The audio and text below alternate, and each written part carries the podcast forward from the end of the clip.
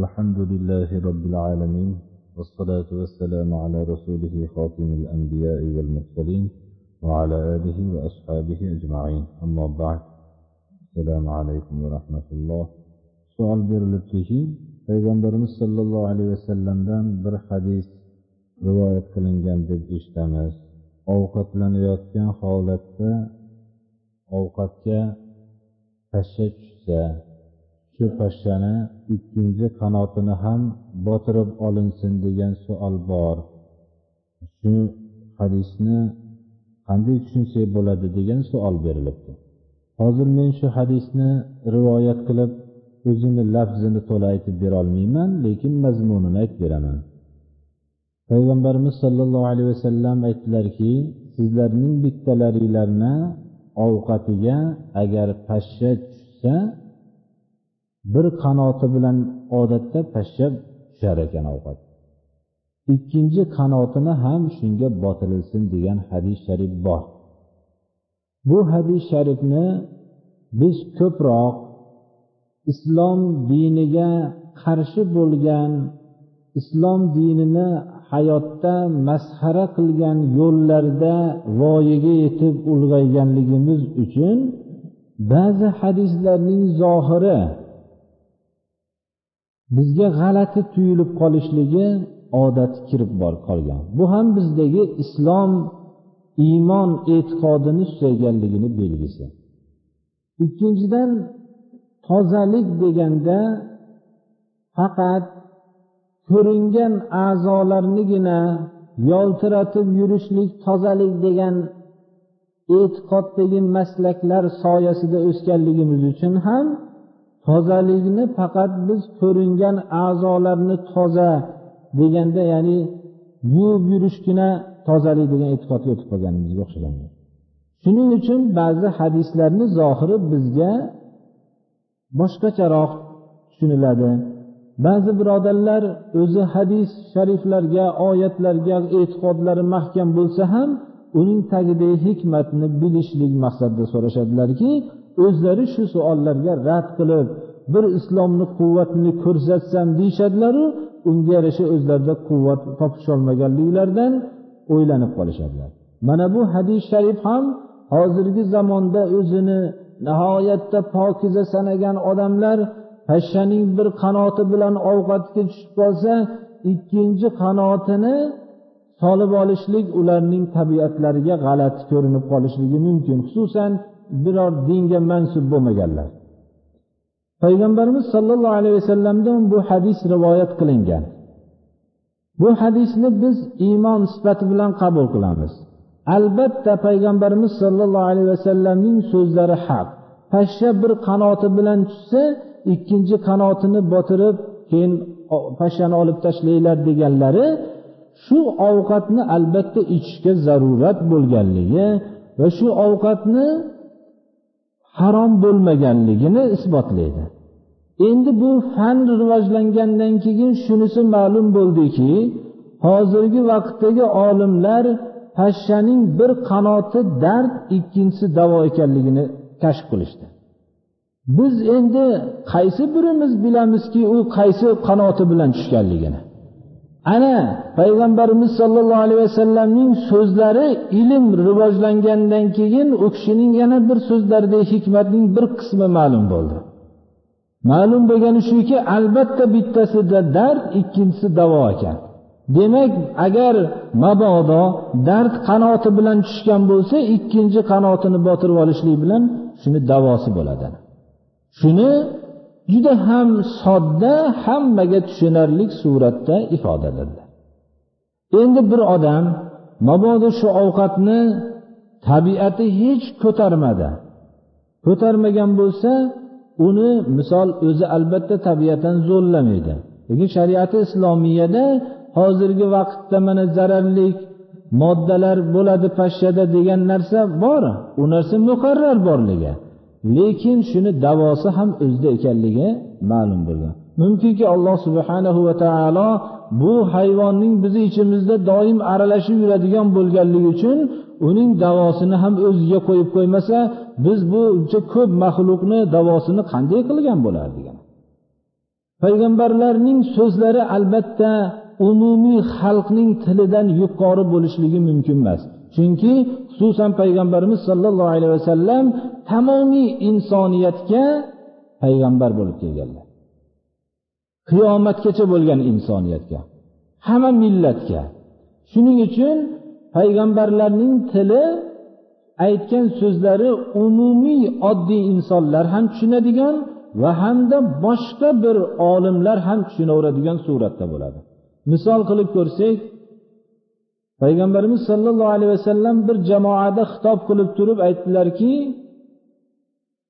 ashshahru hakaza va hakaza va hakaza ikkinchi bor aytganlarida ashshahru hakaza va hakaza va hakaza deb bir barmoqlarni yumdilar.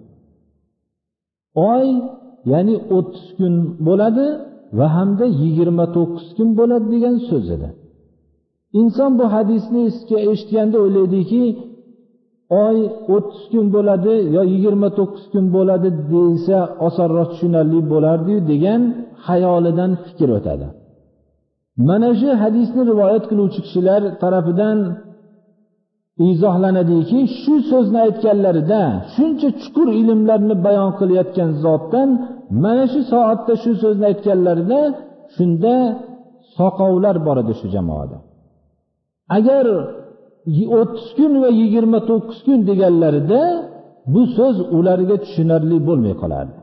Payg'ambarlarning so'zi umumiy tilda bo'ladi. Ana soqov bo'lmaganlar albatta bu so'zdan o'zlariga xulosa ajratib to'g'ri tushunishib olaverardi ana mana shu hadis sharifni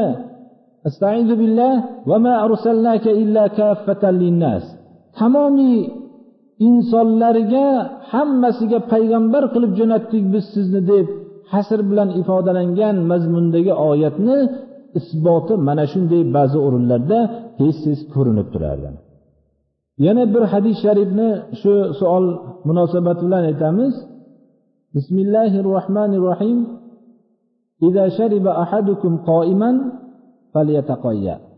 agar sizlarning bittalaringlar tikka turib suyuq ichimlikni ichgan bo'lsa ho suv halol narsalardan biror narsani ichgan bo'lsa qay qilib yuborsin dedi. Bu yerda ichgan bo'lsa suyuqli yo suvmi boshqa suvni tika turib ichgan bo'lsa harom degan so'z chiqmaydi bundan. Qay qilibyuborsin degandan agar harom bo'lsa sarih aytilgan bo'lardi. Qay qilib yuborsin deganligi zarar qilganligi ishoraladi. Keyingi tabiblar shuni kashf qilishdilarki tikka turib ichilgan suyuqlik natijasida ko'r ichakning ko'p paydo bo'lishligini isbotlashdi. Ko'r ichak tikka turgan vaqtda suyuqlik ichakni kengaytirib tushganligi uchun ko'richak ochilib qoladida shunga suyuqlik moddasi yo biror ovqat o'tib qolishligi qulay bo'ladida inson inay ko'richak bu jarrohlarini qo'liga tushishlikka majbur bo'ladigan holat paydo bo'lishligini keyingi tabiblar isbotladi. Payg'ambarimiz sollallohu alayhi vasallam uni ilmiy ravishda bayon qilib o'tirsalar ba'zi kishilar tushungan bo'lardi. Tikka turib ichgan bo'lsa qay bu zarar qiladi agar qayqilib chiqarib yubormasa insonga zarar beradi degan mazmunni oddiy qilib aytib qo'ydilar. Ana shunga o'xshagan biz birinchi buning ilmiy tarafi kashf bo'lgandan keyin qabul qilsak oyat hadislar tarafidan aytilingan so'zlarni iymon bilan qabul qilish bo'lmaydi buni. Iymon bilan qabul qilish payg'ambarimiz sollallohu alayhi vasallamning olloh tarafidan haq payg'ambar ekanligini bilganimizdan keyin u kishidan sodir bo'lgan so'z albatta haqiqat bo'ladi. Mana bilan qabul qilishligimiz kerak. Keyingi bunday ilmiy isbotlar bilan u so'z u zotning aytgan so'zlarining haqiqati yana ham ravshanroq bo'ladi. Iymonimiz yana ham kuchliroq bo'ladigan bir holatni ifodalashligi kerak. Bunaqa hadis shariflar nihoyatda ko'p. Mana payg'ambarimiz sollallohu alayhi vasallamning huzurlariga bir qabiladan odamlar kelib iymonni qabul qilishib kasal edi ular istisqo deyiladi chanqoq kasali. Mana hozir qorinni ishib ketadi. Shu istisqo kasali deyiladi shuni davosini e'lon qildi davolanishligi uchun shu zakot tuyalari bo'lgan yaylovga jo'natdilarda ishrobu min albaniha va abvaliha tuyaning suti va bavillarini qo'shib ichinglar dedilar. Shu dardga davoligini mana tabiblar keyingi davrda isbotlashdi. Imom shofiy rahmatullohi alayhi shu hadisni hujjat qilib tuyaning bavli nopok qilmaydi deydilar. Imom azam rahmatullohi alayhi aytadilarki yo'q davo uchungina sutiga aralashtirishlik mumkin deydilar mana.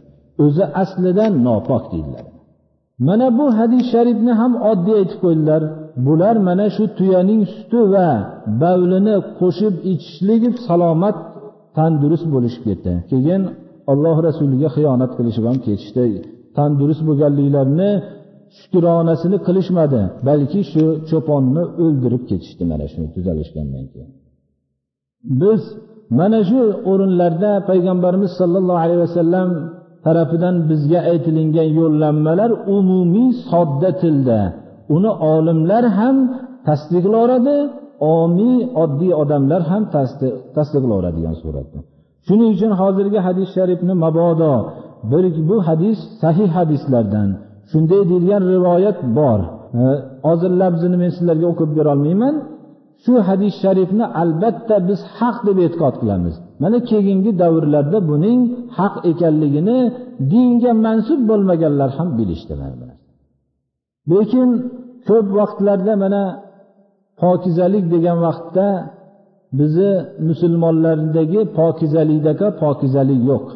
Boshqa millatlar o'zlarini pokiza sanashganlarini tekshirib ko'rilsa pokiza qilinadigan asosiy nopok o'rinlarni pokiza qilishmaydilar.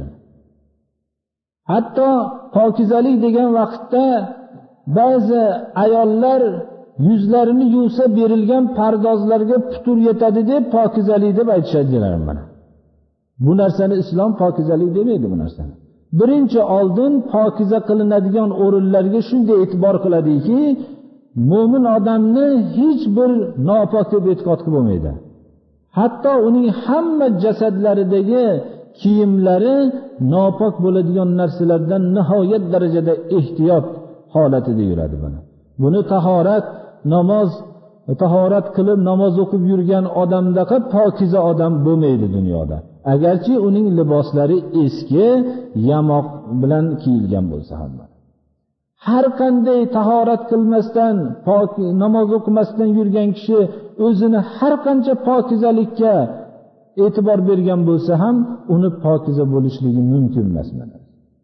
Shuning uchun hozirgi hadisni savol bergan mana kishi shuni bilib olishimiz kerakki bu yerda bir endi insonni bir tabiati ko'tarolmadi shuni. Deylik ko'tarolmagan bo'lsa ham u ovqatni tashlab yuborishlikdan ehtiyot bo'lishlik kerak.